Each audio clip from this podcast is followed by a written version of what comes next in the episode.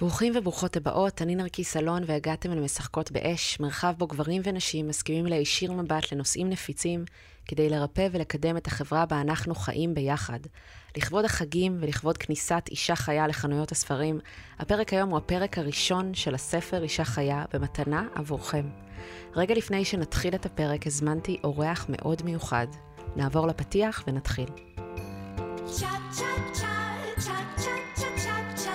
Won't you ask me to dance? Get over here and take my hand. Say you like me, you better count the ways. Side to side, move your hips one, two, three. Oh, why must I fall so?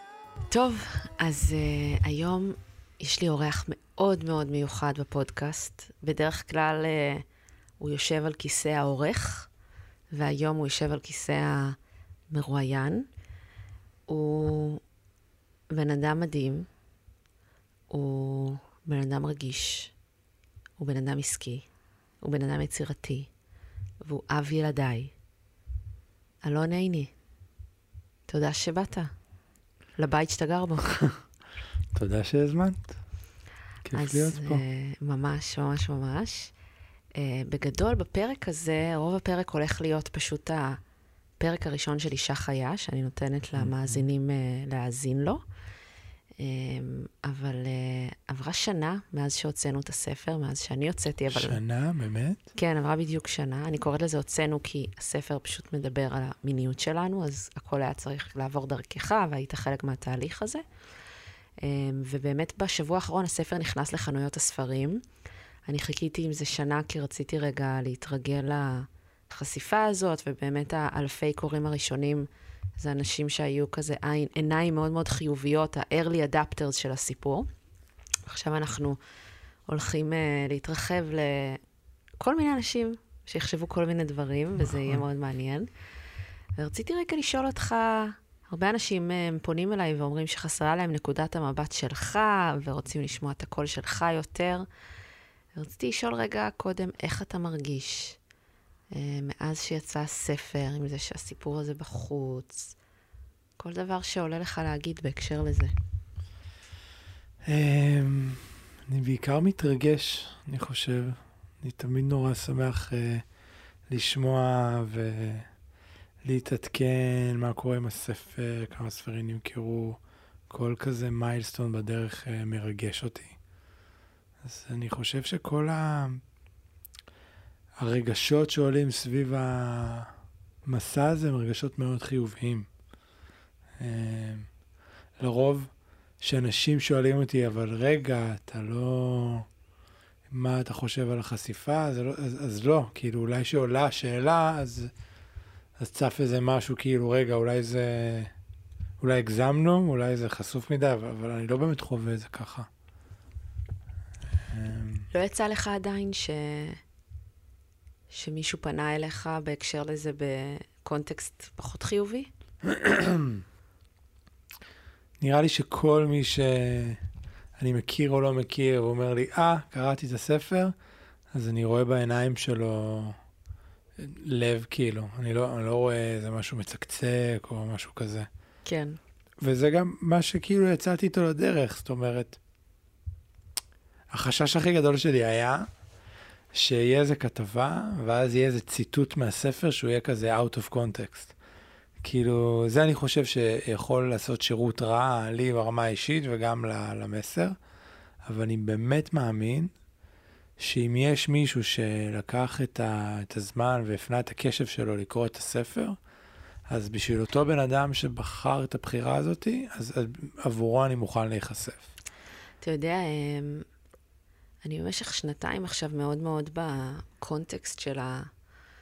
של העשייה הזאת סביב השיח של מיניות ויחסים, והפודקאסט והקבוצה, ו-W והספר, וגם אמ, סוג הפרויקטים האחרים שיצא לי לעבוד עליהם, בוא נאמר בייעוץ או בלתת הרצאות, תמיד היו איכשהו קשורים לנושאים האלה של נשיות וזה. ולפני כמה ימים פנו אליי מאיזושהי חברה נורא גדולה, שאני לא אציין את שמה, שממש לא קשורה לאף אחד מהנושאים האלה, וביקשו שאני אבוא להרצות על איזשהו נושא מקצועי שהוא קשור לידע שלי באמת. ו... ואמרתי, כן, סבבה. ואז פתאום חשבתי על זה, שאם הם יעשו עליי גוגל עכשיו, כאילו סביר להניח שכמעט כל התוצאות הראשונות ליד השם שלי יהיו קשורות במיניות. זה יכול להיות הכותרות בהארץ שכזה מדברות על אה, פרק של אוננות נשית, תחשוב. כן. או אפילו סתם, אה, כל הפודקאסטים שהתראיינתי עליהם, הגשמה ועונג וכל מיני כאלה. וזה גרם לי להבין שכל דרך במסע הזה של היציאה לאור של הספר הזה, זה, זה בחירה מחדש. אגב, אני לא חושב שאת צודקת. מבחינת גוגל אני צודקת. לא, אני לא חושב שאם מישהו עכשיו יושב ב-HR של איזושהי חברה, ומשום מה החליט לפנות אליך, עכשיו הוא יעשה גוגל, זה יגרום לו לשנות את דעתו, שהוא יפגוש שם משהו שהוא לא זה. לא, דבר ראשון, אני בטוחה שיהיו כאלה שכן, וזה בסדר. יכול להיות שיש כאלה שלא, אבל זה לא רלוונטי, בגלל שבסוף um, יש סיבה, אני רוצה שנדבר עליה רגע לפני שניכנס לפרק הראשון, אבל יש סיבה שבגינה יצאתי למסע. חלק גדול מהסיבה היה קשור דווקא בלנרמל את השיח, ודווקא בוא נוציא מיניות נשית, ובוא נוציא את הנושא הזה מהצל, ונבין שיש חשיבות לדבר עליו, um, ויש לזה קשר לזירות רבות בחיינו. ואני מבינה שכל שלב בתהליך דורש ממני לבחור בזה מחדש. ולמה נזכרתי בזה? כי אתה עכשיו אמרת, הפחד הכי גדול שלי היה שתהיה כתבה. אהובי, שתהיה כתבה. מתישהו תהיה כתבה. ויהיה לא, בציטוטים אמרתי, הפחד מהספר. הגדול, כן, הפחד הגדול שלי זה כזה ציטוט כזה בגדול. אני מבינה, אבל אין לי שום ספק שהדבר הזה יקרה. צריך להבין את זה, כי זה לא, בשל... אפילו בלי שישאלו אותי, יכולים עכשיו, נכון. ברגע שזה בחנויות, לבוא ולעשות כתבה, ביקורת על הספר, ולשים שם כל מיני ציטוטים. ו... ואני חושבת שבמקום הזה, אנחנו צריכים לזכור שזו הייתה החלטה שחשבנו עליה כמה שנים, ויש פה משהו שהוא, שהוא באיזשהו מקום כן גדול מאיתנו, ובאמת בא לי במקום הזה לשאול אותך, למה לדעתך זה חשוב בכלל? לקרוא את הסיפור הזה, להאזין לסיפור הזה, להיחשף עם הסיפור הזה, מה, זה, מה הלמה שלך, שבכלל גרם לך כבן אדם שבכלל נמצא בעולם העסקי, אה, לרצות שהסיפור הזה יהיה בחוץ?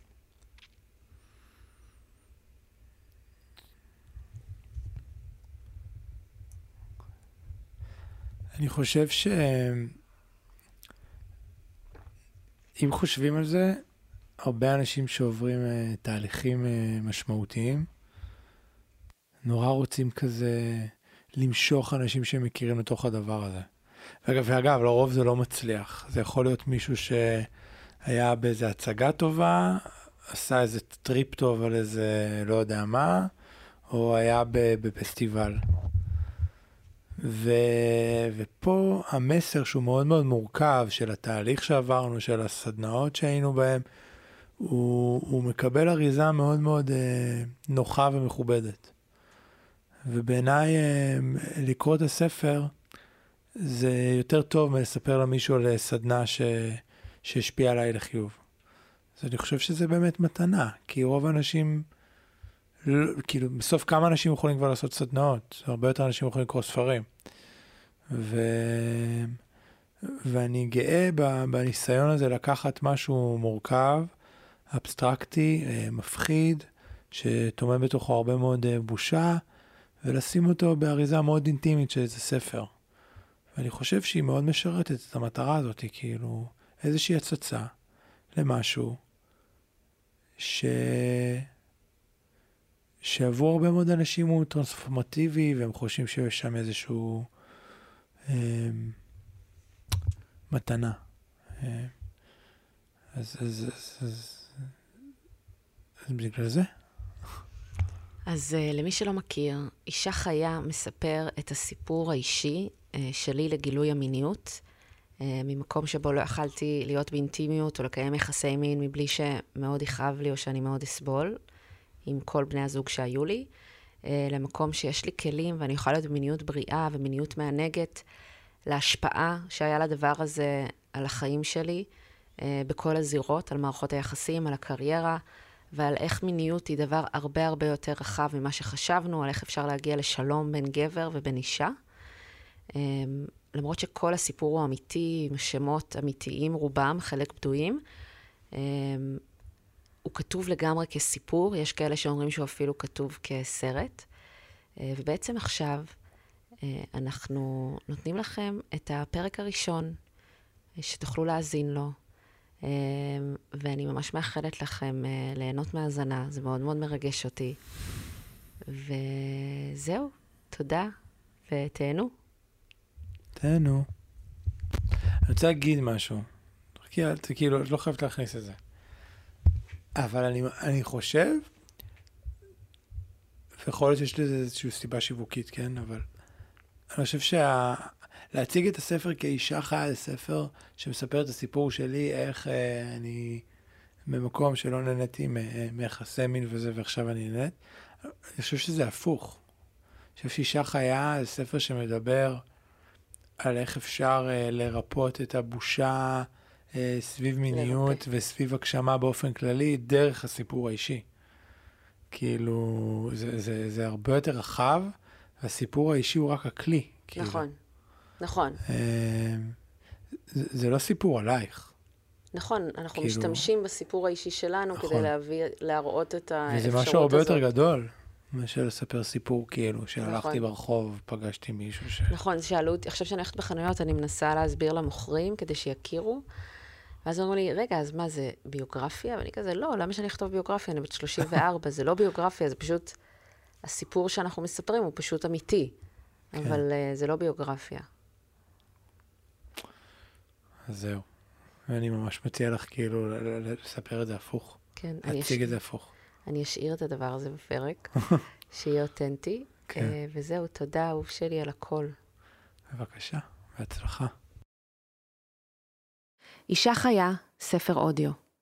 ספר זה מוקדש לאנשים שאפשרו לו לקרות. לאלון אהובי, שהכיר לי את היותי יצור מיני, ובכך הפך אותי לאימא של אבי ואגם. שהסכים להיחשף רק כיוון שהוא יודע עד כמה כל מה שעבר עלינו יכול להועיל לאחרים. לאימא שלי, שלימדה אותי כל מה שאני יודעת על נשיות. לאבא שלי, שלימד אותי על מצוינות ועל אהבת היצירה.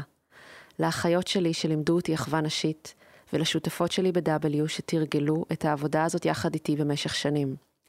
לכל האנשים הנוספים שהסכימו להיחשף, כולל אלו בשמות בדויים. הלוואי שהנדיבות והאומץ של כולכם יתרמו לקוראות ולקוראי הספר ולאהובים שלהם. וכמובן, אתן ואתם, כל מי שהחליטו לשמוע את הספר הזה. יש שלוש דרכים לחוות את הספר הזה. ניתן פשוט להאזין לו. ניתן להאזין לו תוך כדי התנסות במסע אישי משלכם וצבירת כלים, שיש אה, להגיע לזה בלינק שנמצא בדף הנחיתה שקיבלתם לספר האודיו, וניתן לשתף את הסיפור האישי שלכם וללמוד מסיפורם של אחרים בקבוצת משחקות באש בפייסבוק. את ההוראות לכל אלו תוכלו למצוא בלינק שנמצא בעמוד הנחיתה לספר האודיו הזה, שיהיה מסע מפרה ומחבר לגוף. ביוגרפיה קצרה אני בת חמש. אני גרה בבית אוהב, אך בשעות היום הוריי נמצאים בעבודה, ואחיותיי הגדולות משחקות עם חברותיהן. אני נשארת לשחק בבית עם עצמי. יש לי צי חברים דמיוניים, ואנחנו יוצאים למסעות, שבהם הסלון וחדר השינה הופכים לעולם חדש ונפלא. דמות ייחודית מלווה את כל המסעות שלי. אישה כל יכולה, כמו אורסולה מבת הים הקטנה, אבל בגרסה טובת הלב שלה. היא מסבירה לי את העולם ומכירה לי את כל החברים שלה בנדיבות רבה. מדי פעם נילי אחותי הבכורה אומרת לי, תפסיקי כבר לדבר לעצמך, זה מוזר. בלילות אני חולמת חלומות עוצמתיים. אני יודעת להתעורר במהלכם, לזהות שאני בחלום ולשחק עם זה. כמו למשל לבקר בירח, או לפגוש אנשים שכבר לא בחיים. בגן אני משתפת בסיפורים שלי את כל מי שמוכן להקשיב. יש סביבי מעגל בנות ואני מספרת להן על החוויות שלי בארץ הברביות. יום אחד אני מבטיחה ליעל שאקח אותה לראות. היא ואבא שלה מגיעים לשכונה ואני לוקחת אותם לטיול. כשאנחנו מגיעים לעלייה התלולה שמובילה לפארק, אני מסבירה להם שמפיסת השמיים הזאת יורדות מדרגות עננים שמובילות לארץ הברביות. איפה הן עכשיו? שואל אותי אבא של יעל. אני לא יודעת, אני עונה. הוא מסתובב לביתו ואומר לה, יעלי, זה בדיוק מה שחשבתי. אין כזה דבר, זה רק בדמיון שלה. יעל פורצת בבכי ולא מדברת איתי מאז. למחרת בגן, כולם קוראים לי שקרנית. אני בת 13.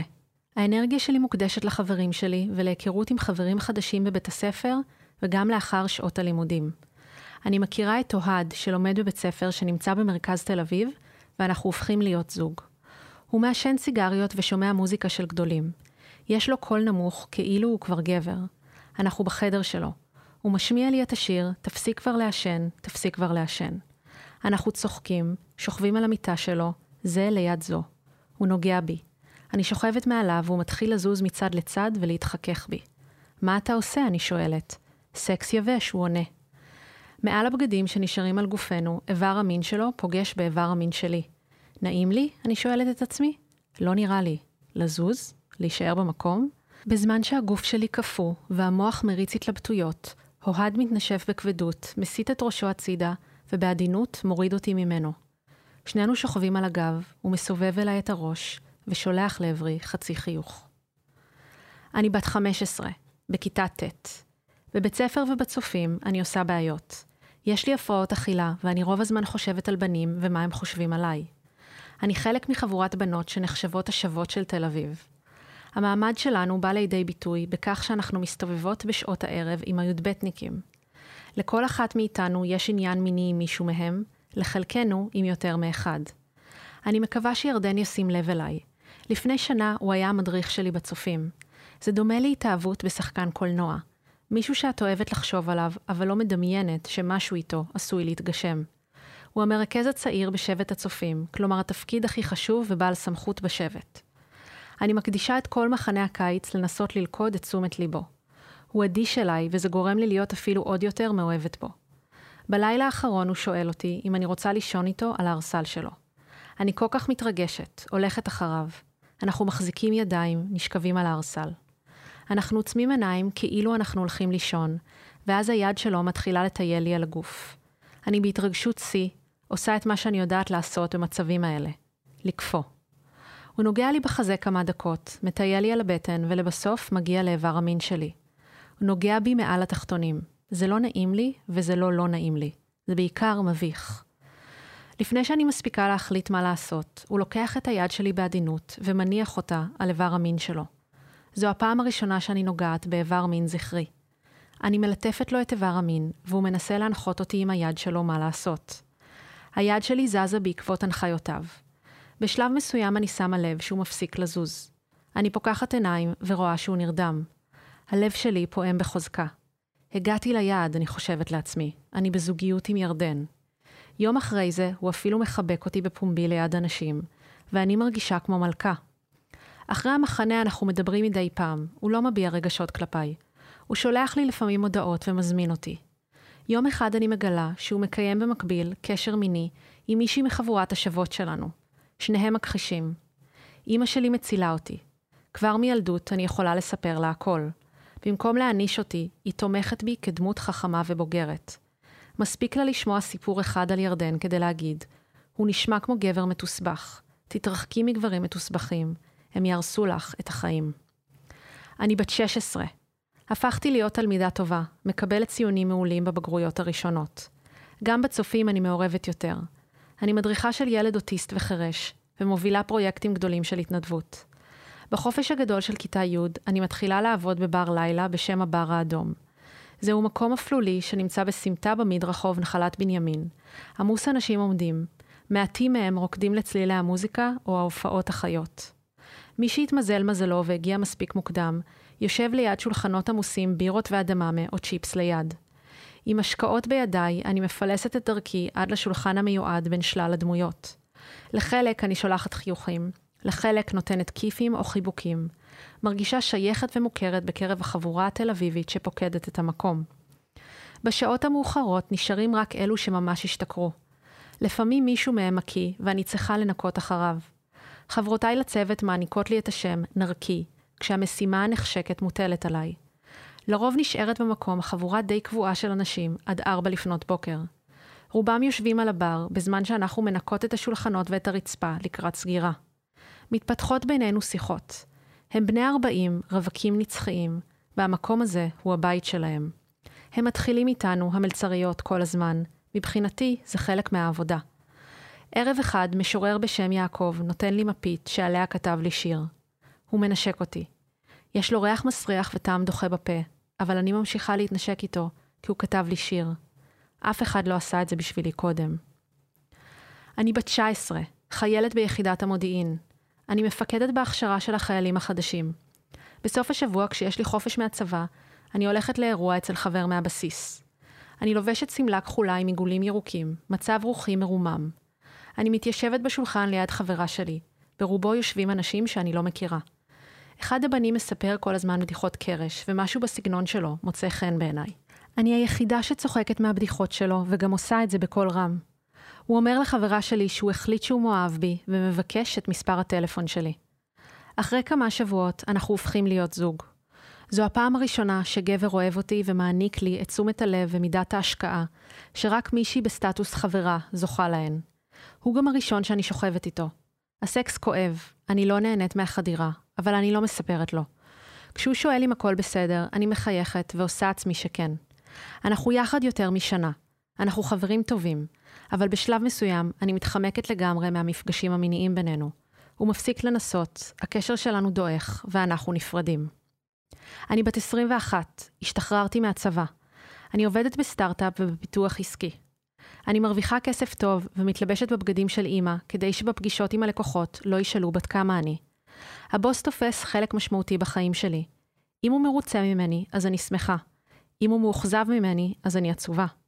רוב הזמן מרוצים ממני, כי אני מביאה לידים טובים, אבל לפעמים בפגישות משתיקים אותי עם הערות ציניות או מזלזלות. אני מתאפקת לא לבכות מול כולם. יש לי בן זוג ליאור, הוא הגבר הראשון שאני משתפת בבעיה שיש לי. אני לא נהנית מסקס. אכפת לו ממני והוא רוצה לעזור. הוא לוקח את המיניות שלנו כפרויקט. הוא מספר לי איך הוא אוהב להירדם אחרי סקס, כשאיבר המין שלו עדיין בפנים. זה הכי טבעי. כשהוא מספר לי את זה, הוא מחייך באופן שמשדר לי שגם לנו זה יקרה, והוא יביא אותי לשם. הוא עושה הכל לאט, שומר על קשר עין ובודק איתי שהכל בסדר, אבל עדיין כואב לי. ליאור כל כך מתאמץ שיעבוד לנו, שאני לא רוצה לאכזב אותו. אני מושכת את זה עד שהוא גומר, ואז מנסה להוציא אותו ממני בנימוס. הוא אומר לי עוד קצת, תנסי לשחרר, ומחבק אותי במתיקות ובחום, שאני נהיית משותקת מולם. לפעמים הוא נשאר בתוכי שעה אחרי שהוא גומר, ואני מנסה לשחרר, אבל רק נהיית קפואה יותר. בשלב מסוים הוא מבחין שזה לא משתנה, ושאני לא באמת נהנית, והוא לא מרגיש בנוח להמשיך לשכב איתי. אנחנו נפרדים אחרי שנה, נפרדים בטוב. תמיד אני נפרדת בטוב. אני בת 22. אני מחליטה לנסוע לטיול אחרי צבא, מודיעה לבוס שאחזור בעוד חודשיים, והוא מבטיח לשמור לי את התפקיד. הטיול מתחיל בתרמילאות במרכז אמריקה בין גסטהאוסים שונים. עד אותו רגע קיימתי בחיי יחסי מין רק עם שני גברים שהיו בני הזוג שלי. אף פעם לא היה לי סטוץ של לילה אחד. הפעם אני מחליטה שאני מעוניינת בזה. אנחנו יושבים מסביב למדורה. בחור בלונדיני בשם קריס ואני מתחילים לדבר. אנחנו שותים הרבה בירות, ואני מוצאת את עצמי מתחת לגופו הגדול, בספה, ליד חדר האוכל בגסטהאוס. אוקיי, עכשיו זה יקרה, אני חושבת לעצמי. הוא מוציא קונדום, נכנס אליי, וגומר אחרי שתי דקות. הכל בסדר? הוא שואל אותי כעבור כמה רגעים. כן, כן, אני אומרת, ונמנעת מקשר עין. הוא קם מהספה, אומר לי לילה טוב מרחוק, וכל אחד הולך לדרכו. למחרת בגסטהאוס אני כבר לא מקבלת ממנו בוקר טוב. הוא שומר על מרחק פיזי ומתעלם ממני לגמרי. אחרי החוויה הכואבת הזאת, אני מחליטה להפסיק את מסע התרמילאות מהוסטל להוסטל, ומחפשת מקום להישאר בו. אני מגיעה למרכז מדיטציות בסן מרקוס שבאגם הטיטלן בגואטמלה. אני אמורה להישאר שם שלושה שבועות לקורס רוחני, ובמקום זה, מתפטרת מהסטארט-אפ ונשארת שם שמונה חודשים. בקורס המתקדמים אני נכנסת לתהליך שתיקה של 40 יום בהנחיית מורה גואטמלית, ועובדת על תזונה, על יוגה ועל חלומות צלולים, תופעה מתרחשת כאשר אדם מודע לכך שהוא נמצא בחלום כשהוא ישן. תודעה זו מאפשרת לו לשלוט בפעולותיו במרחב החלום. בתוך החלומות מתגלה לי מחדש עולם הדמיון שנהגתי לבקר בו בגיל הרך. אני סקרנית מאוד ומעוניינת להעמיק בתהליך. מחליטה לנקות את רעשי הרקע. עושה קרחת, סוגרת את חשבון הפייסבוק שלי, ודוחה את הלימודים בשנה. אני מגבשת לי מנהג שבו אני יושבת על הדשא, מתבוננת באנשים שמגיעים לסדנאות, ומצלמת אותם במוחי. כעבור מספר ימים, כשהסדנה שלהם מסתיימת, אני מבחינה אילו שינויים משמעותיים חלו בהם. איך הם חמים יותר כלפי האנשים שהם מדברים איתם, איך הם מחייכים ומצליחים להישיר מבט, איך קצב ההליכה שלהם איטי יותר. כשאני מבחינה בתמורות האלה, יורדות לי דמעות של אושר. אני מרגישה חיה, סקרנית ומחוברת. בראשי מתנגנת כל הזמן השאלה, כיצד חיים ככה עם דרישות היום-יום, כחלק מחברה, מבלי לברוח לאיזה הר? איך מתפרנסים ממשהו שיש בו סיפוק? אני מחליטה שמשימת החיים שלי תהיה להקים פרויקטים שיתמכו באנשים לחיות בהגשמה כזו. כפי שמרכז המדיטציות שינה לי את התוכניות והוציא אותי מהאוטומט, כך אני רוצה לעשות בעבור אנשים אחרים. אני מבלה את רוב הזמן בלדמיין איך זה יכול להיראות. אני בת 23, חזרתי מהטיול אחרי צבא. אני מתחברת לקבוצה של שותפים, ויחד אנחנו מקימים ארגון חברתי בשם זה זה. אנחנו יוצרים מיזמי תרבות שמייצרים הזדמנויות תעסוקה לאוכלוסיות נזקקות. הארגון הוא השתקפות של הדברים שעלו בדמיוני, וזו פעם ראשונה שאני מבינה שלדמיון יש גם היבטים פרקטיים. כדי שאוכל להתמקד, אני מחליטה להתנזר ממין ומדייטים, ולהתעסק רק ביזמות שלי. אני מרגישה דלוקה לגמרי, מלאת תשוקה, כמו שהרגשתי בכל פעם שהכרתי מישהו חדש. אנחנו מקבלים המון פידבקים חיוביים מהסביבה על הארגון שהקמנו. אני עולה על במות בכנסים בינלאומיים, ביניהם בדאבוס שבשוויץ, מתראיינת עם השותפים שלי באולפן שישי. אפילו בתוכניות באקדמיה מלמדים על המודל שלנו בשיעורי יזמות חברתית. כל אנרגיית החיים שיש לי מושקעת במיזם הזה. אני מתחילה ללמוד פסיכולוגיה וקולנוע באוניברסיטת תל אביב, ועוברת לגור בדירת שותפות במרכז העיר. בצל ההתלהבות הזאת נגמרים לי החסכונות, ואני לא יכולה למשוך משכורת מהמיזם. אנשים לא ממש מבינים מה אנחנו עושים בארגון הזה, וטוענים שאנחנו עושים הרבה רעש וצלצולים, אבל בפועל המודל שלנו מפוזר, וההשפעה החברתית שלנו לא מובנת. אני בת 25, מאחוריי כבר ארבעה פרויקטים שיצרו הזדמנויות תעסוקה לעשרות אנשים מאוכלוסיות נזקקות. עדיין לא הצלחנו ליצור מודל כלכלי שיכול לפרנס אותנו, ואנחנו עובדים בהתנדבות. אני חיה מקופת החיסכון שסבא שלי הוריש לי, ואומרת לעצמי שבטח זה מה שהוא היה רוצה שאעשה בכסף. אחרי שנתיים שלא הייתי עם אף גבר, אני פוגשת את אלון. אנחנו מכירים מהיסודי. תמיד מצאנו חן זה בעיני זו. מה שמפגיש בינינו מחדש זה תרגיל שקיבלתי בלימודי קולנוע. אלון הוא בין היתר טכנאי סאונד, ואני מבקשת ממנו עזרה. אחרי כמה מפגשים של עבודה על התרגיל, אנחנו נהיים זוג, והוא הופך לגבר הרביעי והאחרון שאי פעם שכבתי איתו. כרגיל, אני לא מצליחה ליהנות מהמפגשים המיניים, ורוב הזמן מעמידה פנים ומחכה שיגמר. אני בת 26, אנחנו עדיין לא מושכים משכורת מהארגון שהקמנו, ונגמר לי הכסף שסבא שלי השאיר לי. אני מגלה שיש לי חוב לביטוח לאומי, ואת שכר הדירה של החודש הבא אני לא יכולה לשלם. אני צריכה לחזור לגור אצל ההורים, לוותר על השאיפות לשינוי חברתי, ולחזור לעבוד בהייטק. אני מתחילה לקחת חלק במעגלי נשים, ונחשפת לראשונה לנשים שיש להן חיי מין מלאי עונג, שמקדישים להן זמן כדי שיגיעו לאורגזמה. ערב אחד, אחרי מפגש מיני מתסכל נוסף במיטה, נולדת בתוכי ההחלטה. גופי יחווה עונג. בתוך הזוגיות, מחוץ לזוגיות, איפה שזה לא יהיה, העונג הולך להיות חלק מחיי. ספר זה משתף במסע שלי לעבר מיניות מוגשמת, וכיצד השינוי בחיי הציל לי את הזוגיות, טיפח את הביטחון העצמי שלי, ואף השפיע על הקריירה שלי. במהלך הכתיבה שאלו אותי אנשים רבים, למה אני כותבת ספר על המיניות שלי? הרי החשיפה בנושא כזה שנויה במחלוקת וכרוכה במחירים אישיים. אני כותבת למען שלוש מטרות מרכזיות. הראשונה, עבור נשים שרק למדו להגיד לא, ועכשיו בוחרות מה כן. אנחנו חיות כעת בזמנים מרגשים. סוף סוף, אנחנו כנשים יכולות לדבר בקול רם על מה שלא מקובל עלינו שיעשו עם הגוף שלנו, עם הזכויות שלנו, עם השכר שלנו. אנחנו אומרות בבירור לא, לא עוד. אך להגיד לא ולקחת אחריות על הגבולות שלנו, זהו רק הצעד הראשון בדרך להגשמת הפוטנציאל והעוצמה שלנו כנשים. בנוסף, עלינו להבין ולתקשר את מה שאנחנו כן רוצות. אנחנו לא נמצאות כאן רק כדי לשרוד, אנחנו כאן כדי לשגשג, ללכת בעקבות הסקרנות שלנו ולהגשים את הרעיונות שלנו. תוך כדי שאנחנו תומכות במאבק בעבור נשים שמנוצלות מינית, אנחנו גם יוצרות עולם שבו אנחנו כבר לא הקורבנות. עולם שבו גם אנחנו מובילות. אם נצליח לשנות את התפיסה שלנו לגבי גופנו, אז נוכל לשנות גם את תפיסתנו לגבי כל התפקידים שלנו בחברה.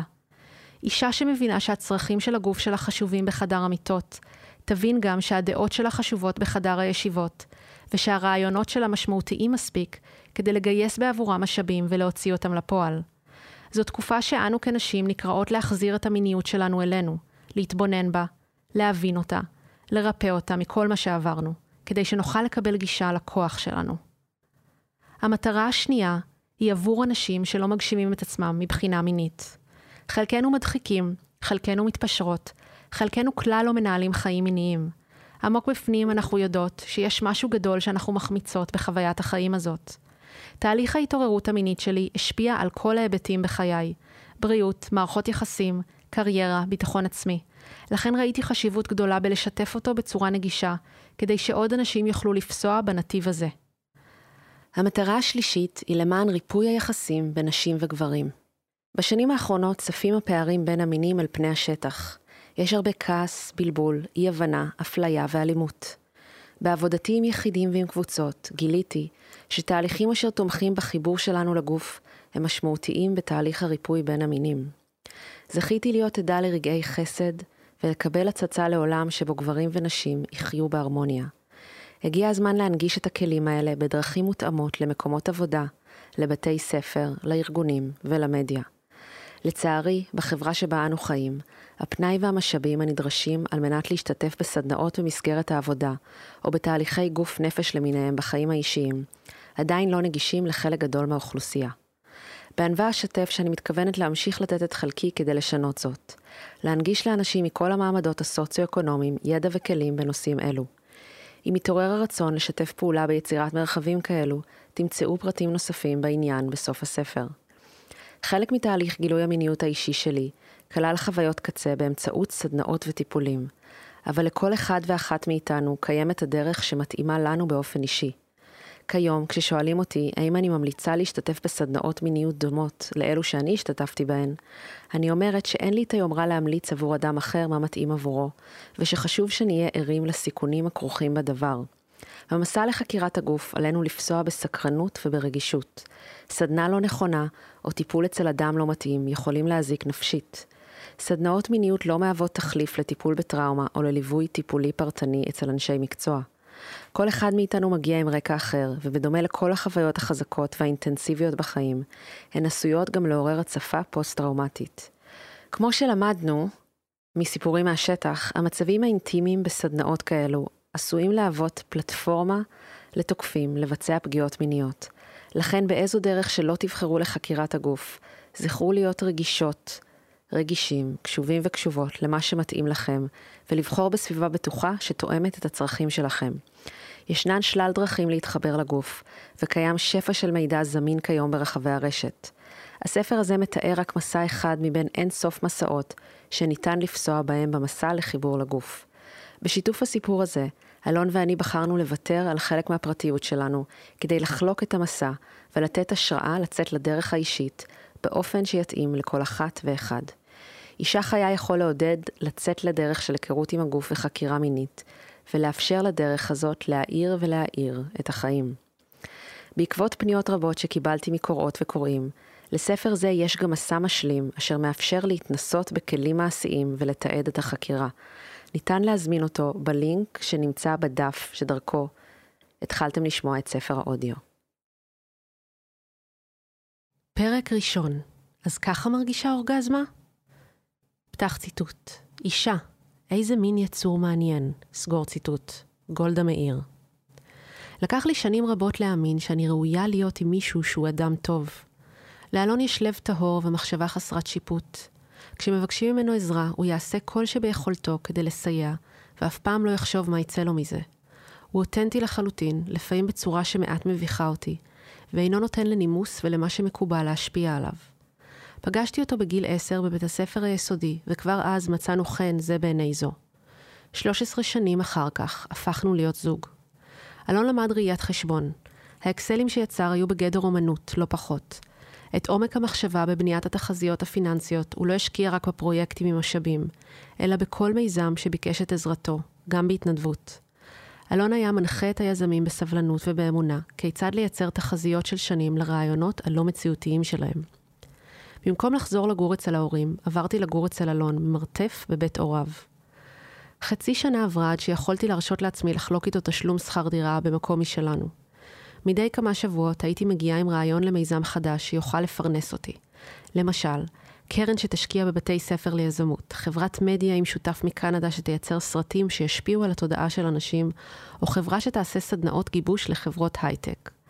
כל רעיון כזה היה גורר אחריו שיחות של שעות על גבי שעות עם שותפים פוטנציאליים, ובניית מצגות ומסמכי Word שניתן להציג למשקיעים. את כל אלו הייתי עושה בשיחות סקייפ או טלפון מהמרתף שבו גרנו. אחר כך הגיע שלב האקסל. אלון היה לוקח את הרעיון ברצינות תהומית, שואל את כל השאלות, ואז יושב בסבלנות אין קץ ובונה אקסל שלא היה מבייש חברה בורסאית. אלון היה בן הזוג הראשון שלי שהיה חם כמוני. לראשונה בחיי לא הרגשתי שאני מחבקת יותר מדי. היינו מתחבקים שעות על גבי שעות. המקום שהכי אהבתי לנשק אותו היה בצוואר, ועל כתף ימין הראש שלי מצא בית. אחרי ארבעה חודשים שהיינו יחד, נסעתי לחופשה ושלחתי לו משם אס.אם.אס. אני אוהבת אותך. הוא לא ענה. כשחזרתי, הוא אמר לי שזה מלחיץ אותו שכתבתי את זה. הנחתי את ידי על ידו ואמרתי, אני לא צריכה שתענה לי, אני יודעת שאתה אוהב אותי, אני מרגישה את זה. הוא חייך, וכמה ימים אחרי זה אמר לי שהוא אוהב אותי. היינו החברים הכי טובים, דיברנו על הכל.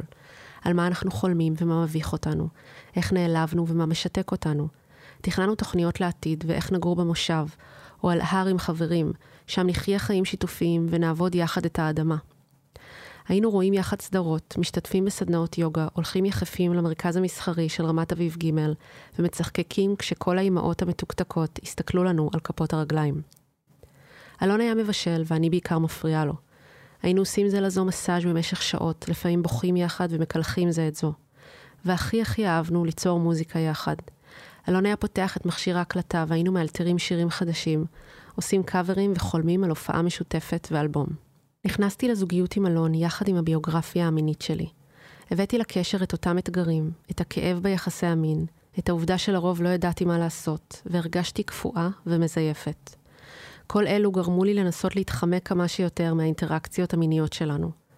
אבל החברות והאהבה בינינו היו כל כך עמוקות, שהן פיצו על הקושי במין וגרמו לנו להתייחס לזה פחות.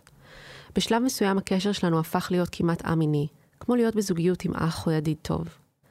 בתחילת הקשר שלי עם אלון, עשיתי במיטה את מה שתמיד נהגתי לעשות במין. העמדתי פנים שאני נהנית, שאני יודעת מה אני עושה, ושאני מגיעה לאיזשהו סיפוק. אבל האמת היא שלרוב כשהיינו מגיעים לחדירה, הייתי מרגישה כאב. אלון ואני היינו שוכבים במיטה מחובקים. אני הייתי מנשקת אותו בצוואר, נעה בין נשיקות שמקיפות את כל צווארו לבין ללקק לו את האוזן ולחבק אותו בחוזקה. יכולתי להתחבק איתו שעות רבות. אלון היה נדלק די מהר מהבעות החום והאהבה שלי. בהתחלה הוא היה מחבק אותי בחזרה ומנשק אותי באותו האופן, אבל אחרי כמה דקות הוא היה חותר למפגש מיני מלא, והקצב שלו היה מתגבר. ככל שהקצב שלו התגבר, כך אני האטתי, וככל שהוא נדלק יותר, כך אני נחבאתי.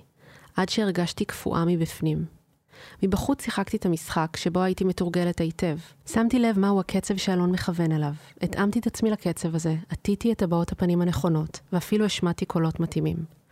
אחרי כמה רגעים הוא היה אומר, אני מביא קונדום, ואני חיכיתי במיטה שהוא יגיד מה עושים ויכתיב את הקצב. שנאתי את תחושת הגומי בתוכי, אבל לא הייתה לי ברירה כי לא לקחתי גלולות. אלון היה מנסה להיכנס לתוכי. תשחררי, הוא היה אומר ומלטף אותי, מנשק מעט. לפעמים זה היה עובד מיד, ולפעמים היה לוקח כמה רגעים. אז אלון היה זז מעליי, ואני הייתי מנסה לזוז איתו. הייתי במתח. הנה עוד רגע זה קורה ואסור לפקשש. לאחר כמה זמן הייתה נשמעת הנחת רווחה. אלון היה מרים את ראשו בזווית קטנה כלפי מעלה, פותח את העיניים, מתנשף, ואז בום, נשכב מעליי ונח. בתוך הגוף שלי נותר עדיין קונדום שבתוכו פין וזרע, ובתוך הראש שלי התנגן קול שאמר, עוד קצת, תמשיכי עוד קצת, עוד מעט זה ייגמר. ככה, פחות או יותר, היה נראה הטקס המיני בינינו. בקרב חברות שלי התנהלו שיחות על מין, אבל משהו בהן לא היה באמת כן. היו את אלו שנחשבו מיניות, נימפומניות, שתמיד אהבו לדבר על סקס, שעבורן מין היה קל וכיפי.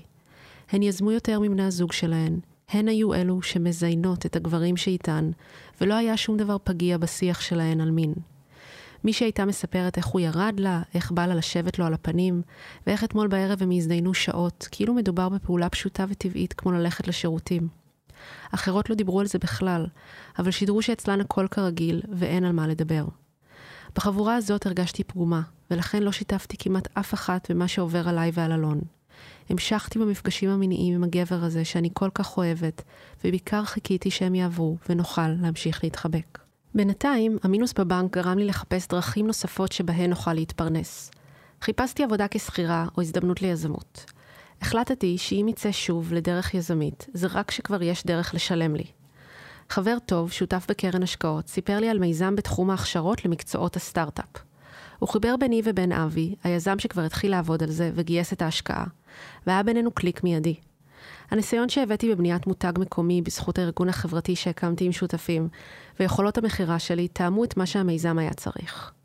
בסופו של דבר, אמר לי אבי, ההצלחה שלנו תיקבע לפי היכולת למכור את הקורסים שלנו לתלמידים. התחלנו לעבוד. חודשיים אחר כך נכנסה לי משכורת לחשבון הבנק, ושוב היה לי אוויר לנשימה. התרגשתי מהכניסה לעולם התוכן החדש ומההזדמנות להקים עסק עם אנשים שיש להם ניסיון עסקי. כשחזרתי לעולם הסטארט-אפים, הוא היה בשיא ההייפ שלו. היזמים שהצליחו זכו לכסף רב ולפרסום. הם נחשבו לגיבורים החיוביים שיובילו את העולם לכיוון טוב יותר, לעבר הקדמה. התפיסה הייתה שעל מנת לפתור בעיה חברתית בקנה מידה רחב, יש לפעול כמו סטארט-אפ. אני זוכרת שקראתי בעיתון על גיוסי כספים גדולים של חברות כמו Uber או WeWork, ולמדתי שהן כלל לא רווחיות. הייתי המומה. כיצד המשקיעים ממשיכים לתת להן כסף? אנחנו נאבקנו על כל פעילות כדי לא להיות בהפסדים. בהמשך למדתי שהסיבה לכך היא שלחברות הללו יש חזון לעתיד, והחזון שלהן רווחי מאוד. כל עוד החברה מצליחה להראות צמיחה, המשקיעים מאמינים שיום אחד היא תהפוך להיות חברה שמספקת את הפתרון לשינוי עולמי מסיבי כלשהו. זה אומר הכנסת סכומי עתק שיצדיקו את ההשקעה בהווה. מסיבה זו, מה שחשוב לסטארט-אפ זה להיות המנצח של השוק כולו, כיוון שהמנצח זוכה בכל הקופה, ולכן מהירות היא שם המשחק. ככל שנחשפתי יותר למשמעות של להקים סטארט-אפ, התעוררה בי התרגשות אדירה מההזדמנות. מעבר להזדמנות לעשות כסף, העסק שלנו שילב גם פנייה לאוכלוסיות חלשות, והרגשתי שזו הזדמנות לשינוי חברתי משמעותי. הדרך הקודמת שלי, יזמות חברתית של פרויקטים קטנים, לא הביאה אותי למקום המיוחל שאליו רציתי להגיע. לא רק שהפרויקטים הגיעו לכמות מצומצמת של אנשים, הם אפילו לא הצליחו לשלם לנו משכורות. לכן רציתי ללמוד את השיטה שבה הכל מבוסס על נתונים, שיש משקיעים, שצריך לעמוד ביעדים אגרסיביים שממריצים את היזמים להתקדם מהר יותר ולנצח. תמיד אהבתי תחרות, בעיקר כשהיריבים שלי הם אריות. אבי ואני מיתגנו את מרכז ההכשרות כאקדמיה והתחלנו לשווק את הקורסים שיצרנו בשיתוף עם חברות ומרצים מוכרים מתעשיית ההייטק. התפקיד שלי היה לדבר עם אנשים מהתחום ולהבין באילו מקצועות נוספים נוכל לסייע לתלמידים שלנו למצוא עבודה באמצעות הכשרות. כל אדם שפגשתי היה מעניין יותר מקודמו. כולם היו חכמים מאוד ודיברו אפילו מהר יותר ממני על נושאים שלא הבנתי בהם דבר. האינטלקט שלי קיבל אתגר שלא היה קיים בעולם היזמות החברתית. זה היה דומה לאתגר שאבא שלי היה נותן לנו בבית. אבא שלי הוא אחד המתמטיקאים הגדולים בעולם, ותמיד בשיחות איתו, לא משנה באיזה נושא, גם כילדה, הרגשתי שאני צריכה לשים לב למה שאני אומרת ולבוא עם ידע מספק. אסור היה להגיד דברים שאין להם בסיס, או שאני לא מבינה בהם רק כי ככה נראה לי. בעולם הסטארט-אפים נחשפתי להרבה דמויות שעוררו בי את אותה יראת כבוד. אני זוכרת את הרגע שנחשפתי לראשונה לבלוג של פול גרם. פול הוא מייסד של אקסלרטור בשם Y Combinator, תוכנית שמשקיעה סכומי כסף נמוכים במיזמים בשלבים מאוד מוקדמים, ובזמן מועט חושפת אותם למשקיעים, למנטורים ולידע, על מנת שיוכלו להתקדם כמה שיותר מהר עם המיזם. Y Combinator היה נחשב לאקסלרטור הטוב בעולם. יצאו משם חברות כמו Dropbox, Airbnb ו Stripe. היה לי חלום להתקבל לשם. דמיינתי את עצמי גרה בסן פרנסיסקו, הולכת לארוחות הערב של התוכנית שבה אהיה אחת הנשים היחידות, ארכוש הרבה ידע וקשרים חדשים ואבנה סטארט-אפ מצליח ומשפיע. פול גרם ייצג בעיניי את כל מה שחדש וראוי לחשוב עליו בעולם. חשבתי שהוא האריסטו של תקופתנו. מצאתי את עצמי סוגדת לעולם הסטארט-אפים. אותו עולם שלפני כמה שנים ברחתי ממנו לטיול אחרי צבא, הפך להיות כל מה שרציתי להצטיין בו. אחד המקומות הטובים ביותר להתאמן בזה היה בישיבות הדירקטוריון מול המשקיעים שלנו. בישיבות אלו היו מדברים על סכומים של 100 אלף דולר באותו אופן שבו אני מדברת על 20 שקל. המשקיעים שלנו הכירו כל סטארט-אפ שצריך להכיר, והיו מקושרים למשקיעים מכל העולם. גמדתי כל פיסת מידע שיכולתי, רציתי שהם יחשבו שאני עושה את העבודה שלי בצורה טובה. בהתחלה זה היה מאתגר, הם השתמשו במונחים לועזיים רבים שלא הכרתי, שהתייחסו לשווי של חברה, כמה גייסו, חלוקת מניות לעובדים. הפגישות הראשונות, כשהייתי מדברת על הרעיונות ועל הרגשות שלי, המילה הקבועה שהם היו אומרים בתגובה הייתה פלאף. הכוונה לדבר שהוא רגשי, לא קונקרטי, ושאי אפשר לעגן בעובדות ובנתונים. למשל, אני הייתי אומרת, לדעתי כדאי שבסדנה הזאת יהיו 30 אנשים. אם יהיו יותר, זה לא יאפשר להעביר חוויה משמעותית לתלמידים. והם היו עונים, זה טיעון פלאף.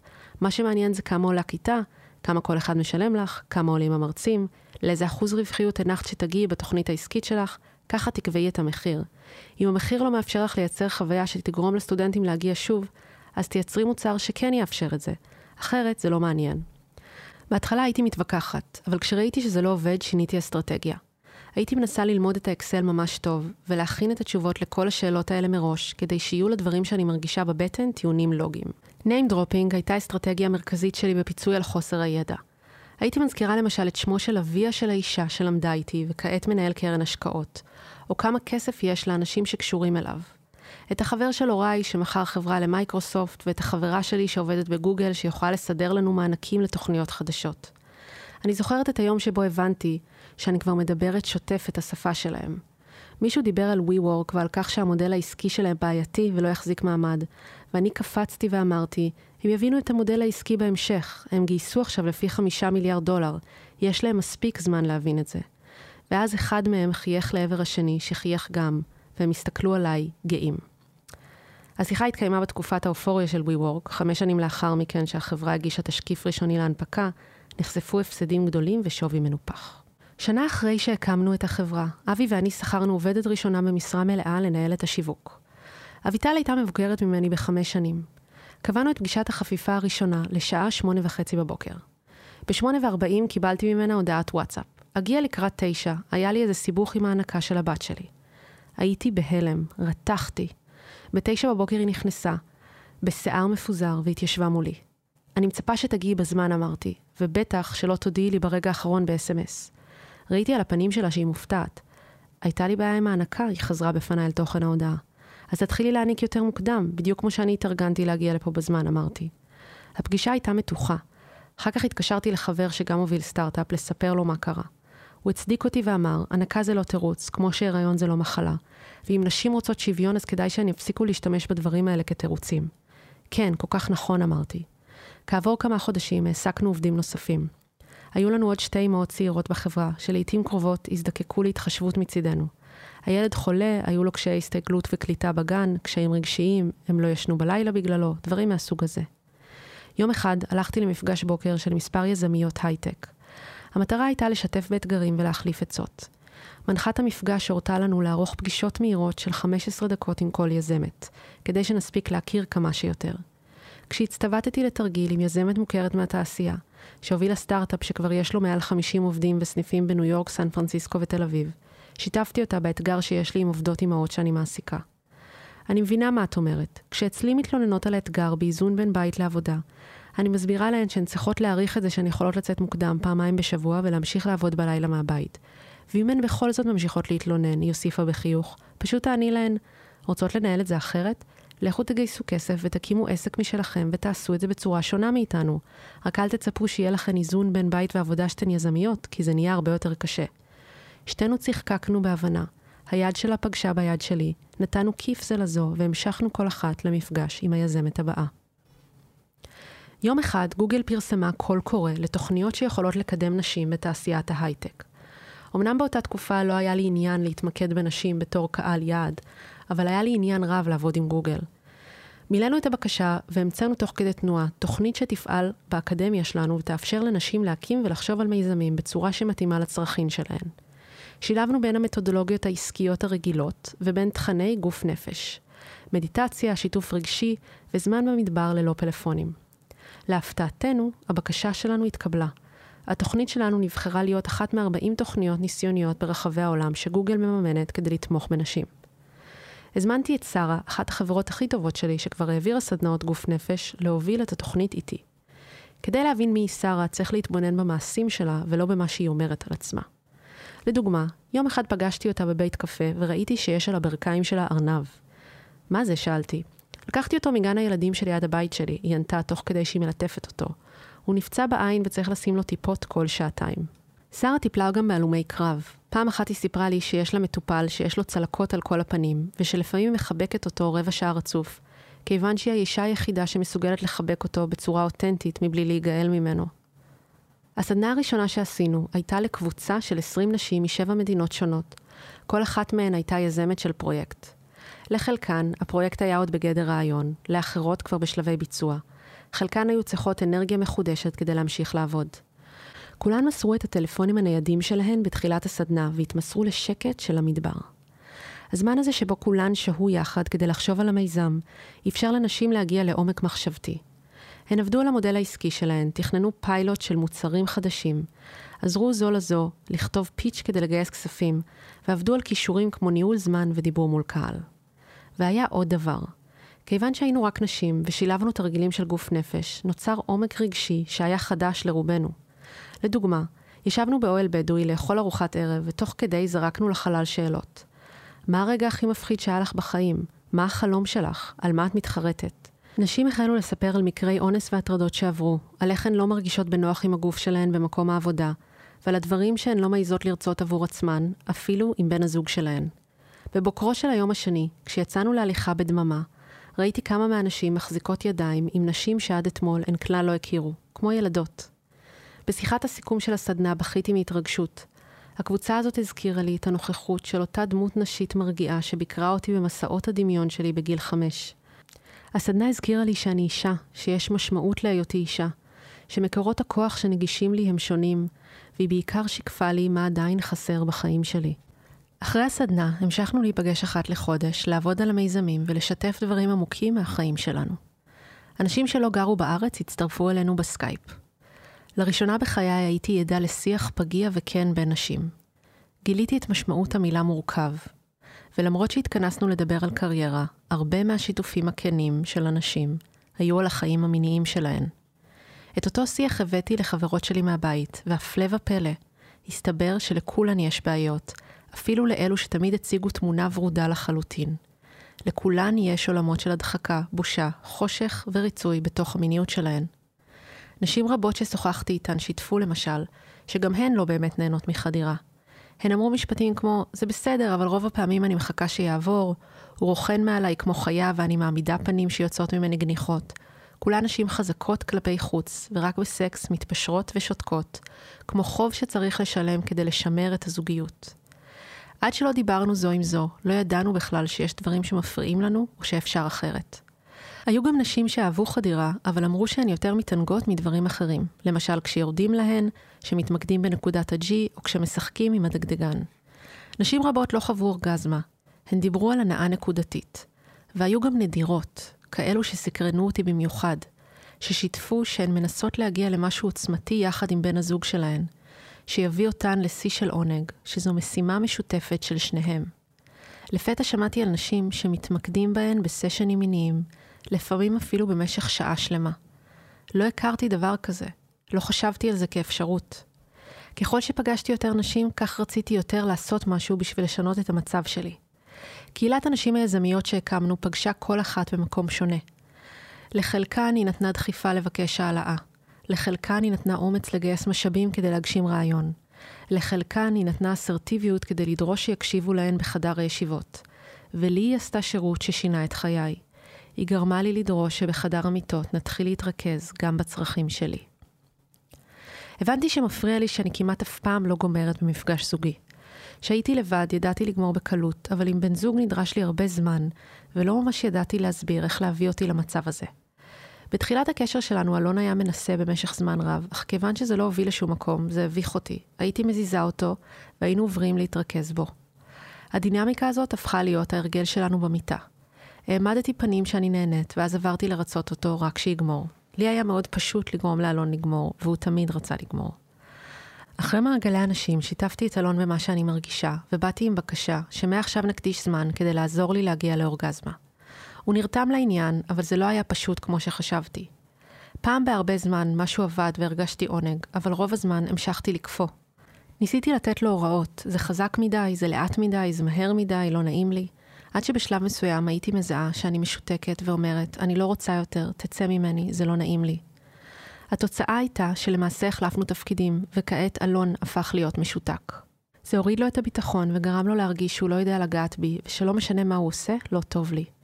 אבל מבחינתי זה היה תיקון. נתתי מקום למה שאני מרגישה במיטה, אחרי שנים שבהן הייתי שקטה ומכוונת רק לצרכים של הצד השני.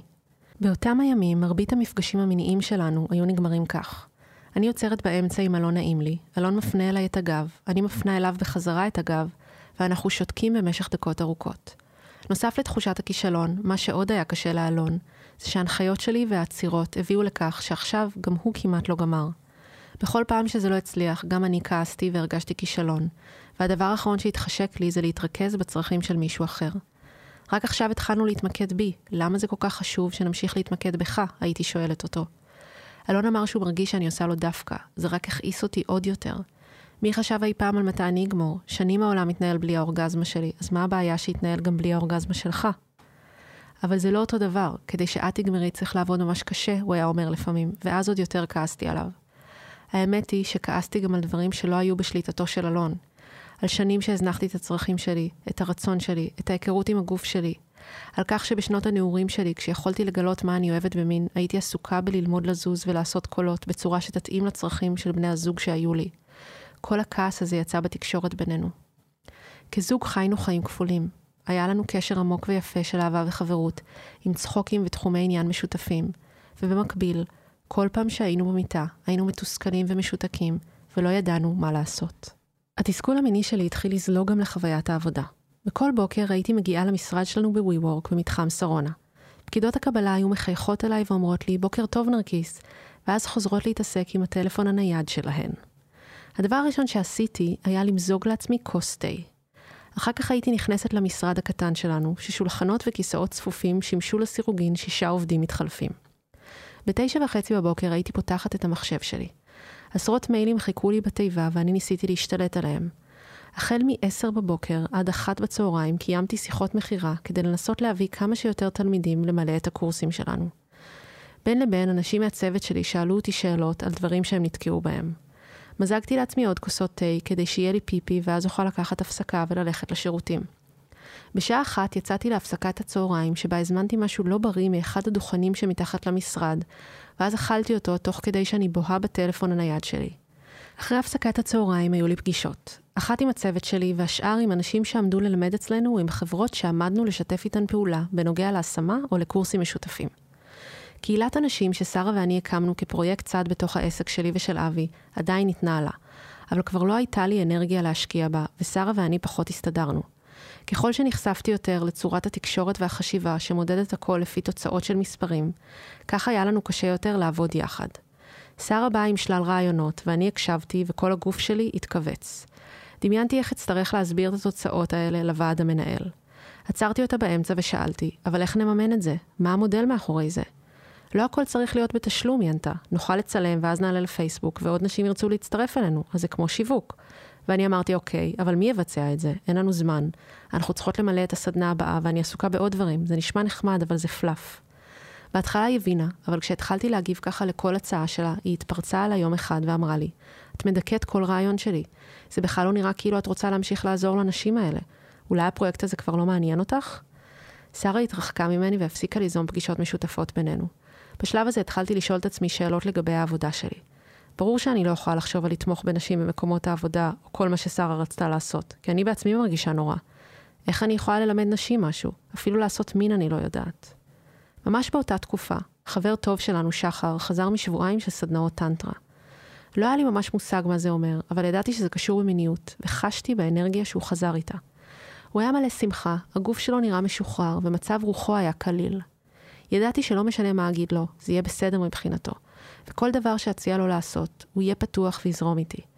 לידו הרגשתי כבדה, מבוגרת ועייפה מהחיים. מה שהכי בלבל אותי היה שלא דובר במישהו שעבר לגור על הר בהודו. הוא היה כמוני, חלק מהמרוץ. עבד עד לא מזמן במסעדות והתכונן ללמוד תואר שני במנהל עסקים בחו"ל. אם הוא מצא את האור, אז אולי גם אני יכולה? מה קורה שם בסדנאות טנטרה האלה? איך אתה פתאום נראה ככה? שאלתי אותו. זה לא בדיוק טנטרה, זו סדנת מיניות. קשה להסביר במילים, צריך לחוות את זה כדי להבין, הוא אמר. ובכל זאת, תן לי קצת, לחצתי. בגדול מדובר בללמוד לעבוד עם האנרגיה המינית שלך. זה נוגע בכל רובד בחיים. גם דברים שלא נראים לך קשורים למיניות, מושפעים ממנה. אני חייבת ללמוד את זה, אמרתי בנחישות. אבל איך? אני לא אסע לבד, ואלון ואני בקושי מצליחים לשכב בלי לריב. את יכולה לעשות סשן פרטי במקום סדנה, הוא ענה לי. אני אחבר אותך לרייצ'ל, היא מטפלת מינית. לא ידעתי מה זה אומר או במי מדובר. הרגשתי שאין לי מה להפסיד. הייתי חייבת שינוי ועכשיו. סיפרתי את זה לאלון, הוא גם לא הבין מה זה אומר, אבל זרם איתי. שנינו קיווינו שהטיפול הזה יפתור לנו את הבעיה. איך מתכוננים לסשן של טיפול מיני? זה הולך להיות פיזי? השעה הייתה עשר בבוקר, הדירה שלנו הייתה ריקה. בחדר שלי עמדו שולחן, שני כיסאות, כורסה ומיטה. ניקיתי את הכיסאות, החלפתי מצעים והשארתי את הכריות. התרחצתי ולבשתי שמלה ירוקה. חיכיתי בחוסר שקט, מציצה בשעון, כל רגע. לפתע שמעתי את פעמון הדלת מצלצל. פתחתי את הדלת ואישה צעירה, נמוכת קומה, בעלת תווי פנים אסיאתיים, נכנסה. היי, אני רייצ'ל, היא אמרה במבטא זר, והושיטה לי את היד ללחיצה. ידה הייתה חמימה ועדינה. הרגשתי שהאנרגיה שלה נעימה ומרעננת. היא הביטה בי במבט אוהב. נכנסנו לחדרי. היא התיישבה על הכורסה ואני על הכיסא. על שולחן קטן בצד עמד קומקום תה וצלוחית עם פירות יבשים. הייתי כל כך נבוכה ששתיתי ואכלתי ללא הפסקה. ספרי לי, מה מביא אותך לפגישה שלנו? היא שאלה אותי. זזתי באי נוחות בכיסא. זו הייתה הפעם הראשונה שדיברתי על בעיות הסקס שלנו עם מישהי לא מוכרת. מאז ומתמיד אני לא יודעת ליהנות ממפגש מיני עם בן זוג, אמרתי.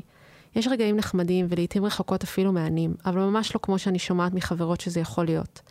עד עכשיו תמיד זייפתי עם בני זוג, אבל עכשיו אני בזוגיות אוהבת, וזו פעם ראשונה שאני מתעמתת עם זה ומתקשרת את כל מה שחסר לי בסקס. אז מה חסר לך? רייצ'ל שאלה, ובנימת קולה לא הייתה אפילו טיפה של ביקורת. אני לא גומרת, אני צריכה הרבה זמן לזה, או שאני צריכה שיגעו בי בצורה מסוימת, אני לא בטוחה. בכל מקרה, עד עכשיו תמיד זייפתי אורגזמה, ואני לא רוצה יותר. פתחתי את זה עם בן הזוג שלי. מאז זה לא השתפר, להפך, רק נהיה לנו יותר קשה. זה יוצר המון מתח ומביא אותנו למבוי סתום. אני מרגישה שאולי יש בי משהו פגום. רייצ'ל הקשיבה לי בסבלנות, והנהנה אחרי כל משפט שאמרתי. הרבה נשים חוות את מה שאת מתארת, אמרה. כן, אני יודעת, אבל זה לא מנחם אותי, זה לא הוגן. מאז שאמרתי לו את מה שאני מרגישה, הוא רק מתבאס עוד יותר. הורדתי לו את כל הביטחון מולי במיטה. עכשיו שנינו מתוסכלים. אני מרגישה ממש רחוקה מהגוף שלי, אין לי מושג איך אפשר לפתור את הדבר הזה. חשבתי שאולי סשן איתך יעזור. הרבה פעמים נשים מתוסכלות מאיך שבני הזוג שלהן נוגעים בהם, אבל הן בעצמם לא יודעות מה הן אוהבות ולא משקיעות הזמן בלגלות את זה, רייצ'ל אמרה. אז איך הן מצפות שמישהו אחר ידע? היוני שלנו אינטואיטיבית וחכמה. היא נפתחת רק אם יש כוונה אמיתית ועמוקה. צריך לנהוג בה בעדינות רבה וללמוד את הקצב שלה. היוני שלנו היא כמו מקדש, צריך לבקש רשות להיכנס אליה ולשמוע את התשובה מבפנים. מה זה יוני? שאלתי. אה, סליחה, רייצ'ל צחקקה. יוני זה איך שקוראים לאיבר המין הנשי, הפוט, בסנסקריט. מגניב, אז איך קוראים לפין? לינגאם. נשמע טוב, אימצתי. שתיתי שתי לגימות אחרונות מהתה שלי, שכבר כלל לא היה חם, ואמרתי, אף פעם לא דיברתי אל היוני שלי, אין לי מושג איך לבקש ממנה דברים, ובטח שאין לי מושג איך להקשיב לה. רייצ'ל חייכה אליי חיוך חומל, ואז אמרה בקולה העדין, מה שנעשה בסשן הזה הוא עיסוי.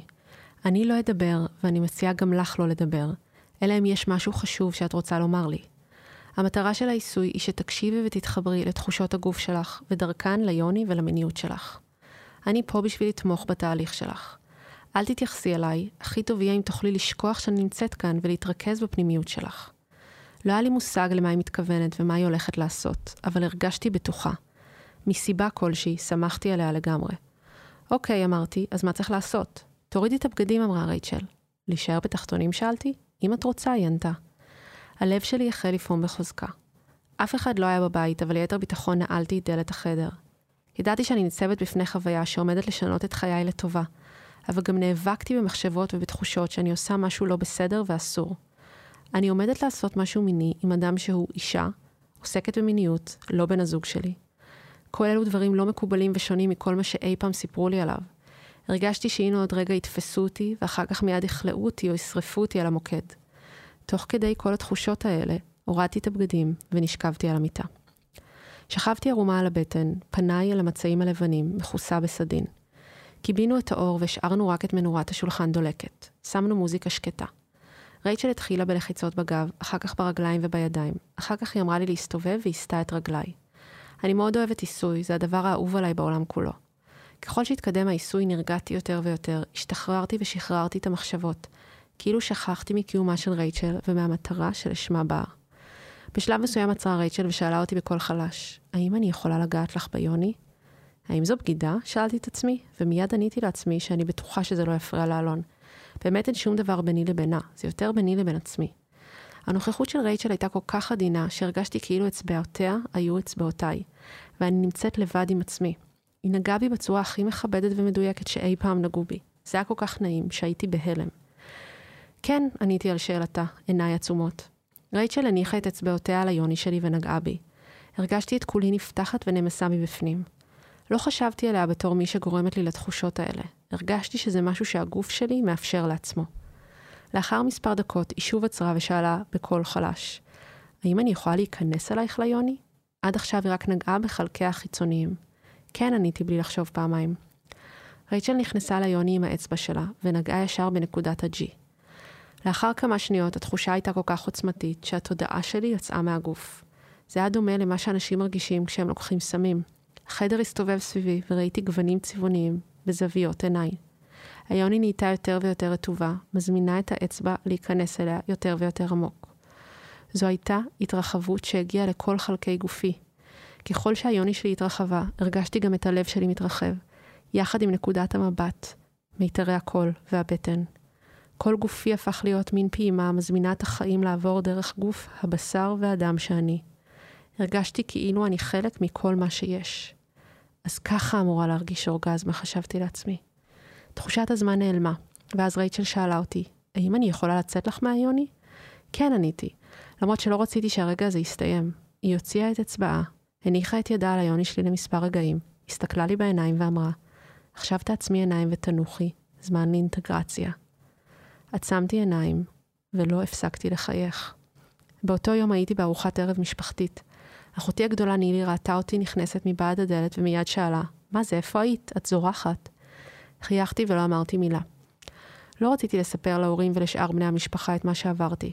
כשהארוחה נגמרה, לקחתי אותה הצידה ולחשתי לה. חוויתי היום את האורגזמה האמיתית הראשונה שלי. אני לא מאמינה שככה זה יכול להרגיש, ושכל השנים האלה לא ידעתי. הייתי בטיפול מיני אצל אישה מדהימה בשם רייצ'ל. כל הגוף שלי באורות, אני בשוק. אחותי לקחה ממני את מספר הטלפון של רייצ'ל וקבעה לעצמה סשן.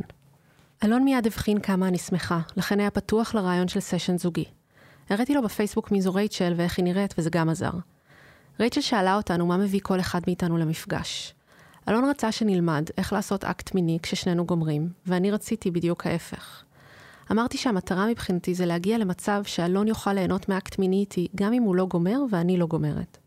חשבתי שזה יכול לתת לנו יותר גמישות במפגש המיני, אם לא תהיה לאף אחד מאיתנו אג'נדה או תלות באורגזמה. רייצ'ל אמרה שמכיוון שיש לנו רק מפגש אחד, ובגלל שאני עשיתי כבר סשן אחד, היא מציעה לנו להתרכז בגוף של אלון ולא בשלי. אני יכולה ללמד אותך איך ליהנות ממיניות מבלי לגמור, אמרה לאלון. היא הדריכה אותנו בתרגיל שבו אני מדליקה את אלון, נוגעת לו בלינגאם, וסביבו בעדינות מדגדגת כזו, ואז, כשעולה האנרגיה המינית שלו, היא הנחתה אותנו לפזר את האנרגיה בכל הגוף שלו מבלי לשפוך. אלון היה צריך לנשום בקצב מסוים ולדמיין שהאנרגיה עולה ומתפשטת בכל הגוף, וכך נותנת לו אנרגיית חיים. תרגלנו עוד כמה פעמים, כשבכל פעם חל שינוי בקצב הנשימות של אלון. רייצ'ל ביקשה ממנו לדמיין איך האנרגיה הלא נשפכת הזאת נותנת לו כוחות. בתום המפגש ישבנו שלושתנו על המיטה וסיכמנו אותו. כל אחד שיתף בקצרה איך הוא מרגיש. אלון היה די מאופק ורק אמר שזו הייתה חוויה מעניינת. רייצ'ל עודדה אותנו להמשיך לעבוד על התרגילים האלה, והבטיחה לנו שבשלב מסוים זה יהיה לנו טבעי. אחרי שהיא הלכה, נשארנו שנינו על המיטה, לבושים רק בתחתונים, ולא ממש ידענו מה לעשות עם עצמנו. שתקנו דקות ארוכות, ואז שברתי את השתיקה. מה אתה חושב? שאלתי את השאלה שתמיד אני שואלת את אלון כשאין לי מה לומר. לא יודע מה אני חושב, הוא ענה. ובכל זאת, מה אתה מרגיש? לא ברור לי בשביל מה זה היה טוב, הוא אמר, ואז קם מהמיטה והתחיל להתלבש. אתה לא מרוצה? שאלתי. לא, אני לא מרוצה, הוא אמר והסתובב אליי כשהוא כבר לבוש לגמרי. למה? כי אני אוהב לגמור, זה סיפוק, זה פרוקן. למה אתן מציגות את זה כמשהו רע? למה יש לנו שיעורי בית שבהם אני צריך לא לגמור? מה עם העבודה שנדרשת ממך לעשות? הרי בכלל הגענו לכאן בגלל בעיות שיש לך. אמנם זה לא קורה לי הרבה, אבל לא היה לי מה להגיד באותו רגע. קמתי מהמיטה ונתתי לו חיבוק. הוא לא ממש חיבק אותי בחזרה. יהיה בסדר, זה תהליך, אמרתי לו. כמה ימים לאחר מכן רייצ'ל חזרה לבעלי, ואנחנו נשארנו להתמודד לבד. הסשן הזה רק חיזק אצל אלון את האמונה שמה שיעזור לנו זה לא מישהו חיצוני. הוא לא הסכים לשמוע ללכת לעוד מטפלים, ללכת לסדנאות, או בכלל לפנות לתהליך חיצוני כלשהו. הוא האמין שאנחנו צריכים להמשיך לנסות לשכב ולהיות יחד במיטה, ושבשלב מסוים אני אשתחרר ויעבור לי הקטע הזה שבו אני נתקעת ולא רוצה יותר. הוא חשב שזה דבר פרטי שלנו ושלא נכון לשתף בזה אחרים. לא ידעתי מה לחשוב, הרגשתי נורא. כל כך הרבה כוחות נדרשו ממני להביא אותנו לטיפול הזה, והנה מה שראיתי כאור בקצה המנהרה נכשל. אנחנו נישאר עם מיניות לא מתפקדת, ואני אדון לחיים ללא עונג. את החוסר שהרגשתי ניסיתי למלא בעבודה על הסטארט-אפ שהובלתי. שם היה רק דבר אחד שחשבתי עליו כל הזמן, וששירתתי מבוקר עד ערב. עשיית כסף. על אף שאני וכל מי שהיה בחברה שלנו הגענו כדי לסייע לאנשים להתפרנס ממה שהם אוהבים, בשורה התחתונה, לא על זה נמדדנו ביום-יום. כיוון שהיינו חברה עסקית עם בעלי מניות שהשקיעו כסף, הצלחה עבורנו הייתה לייצר רווחיות מקסימלית בעזרת המוצרים שלנו. נקודה. ההתייחסות לכסף בעולם הסטארט-אפים הייתה שונה לחלוטין ממה שהכרתי מהעולם החברתי. שם השקענו מאמצים אדירים כדי להביא תרומות וחסויות.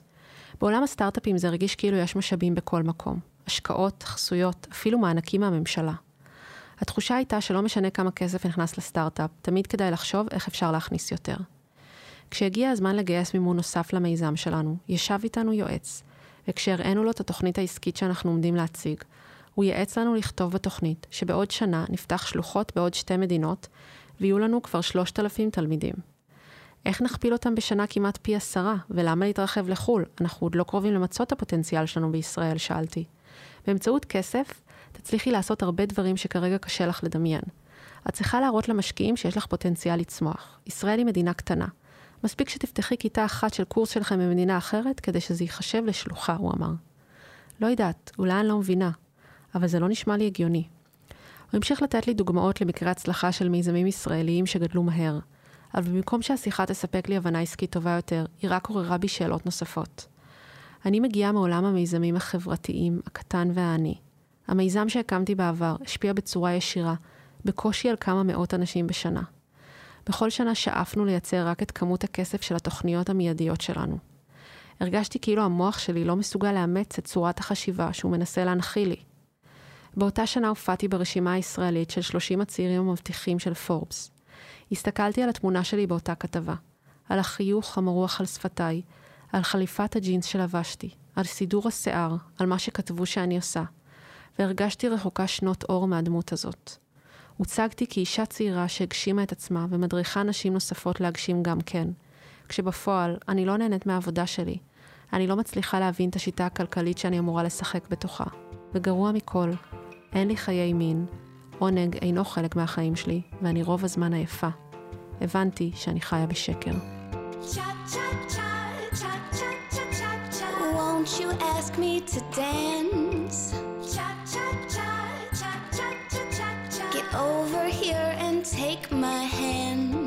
תודה שהייתם איתנו. אישה חיה זמין עכשיו בחנויות הספרים, אבל אם תרצו גרסת אודיו להמשיך את מה שהתחלתם להאזין, אני מצרפת את הלינק לתיאור הפרק. תודה לאהוב ליבי אלון עיני על כל המסע המדהים הזה. תודה לכם שהאזנתם. אתם מוזמנים להצטרף לקבוצת הפייסבוק שלנו משחקות באש ולהמשיך את הדיון שם על יחסים, גברים, נשים ומיניות. תודה רבה.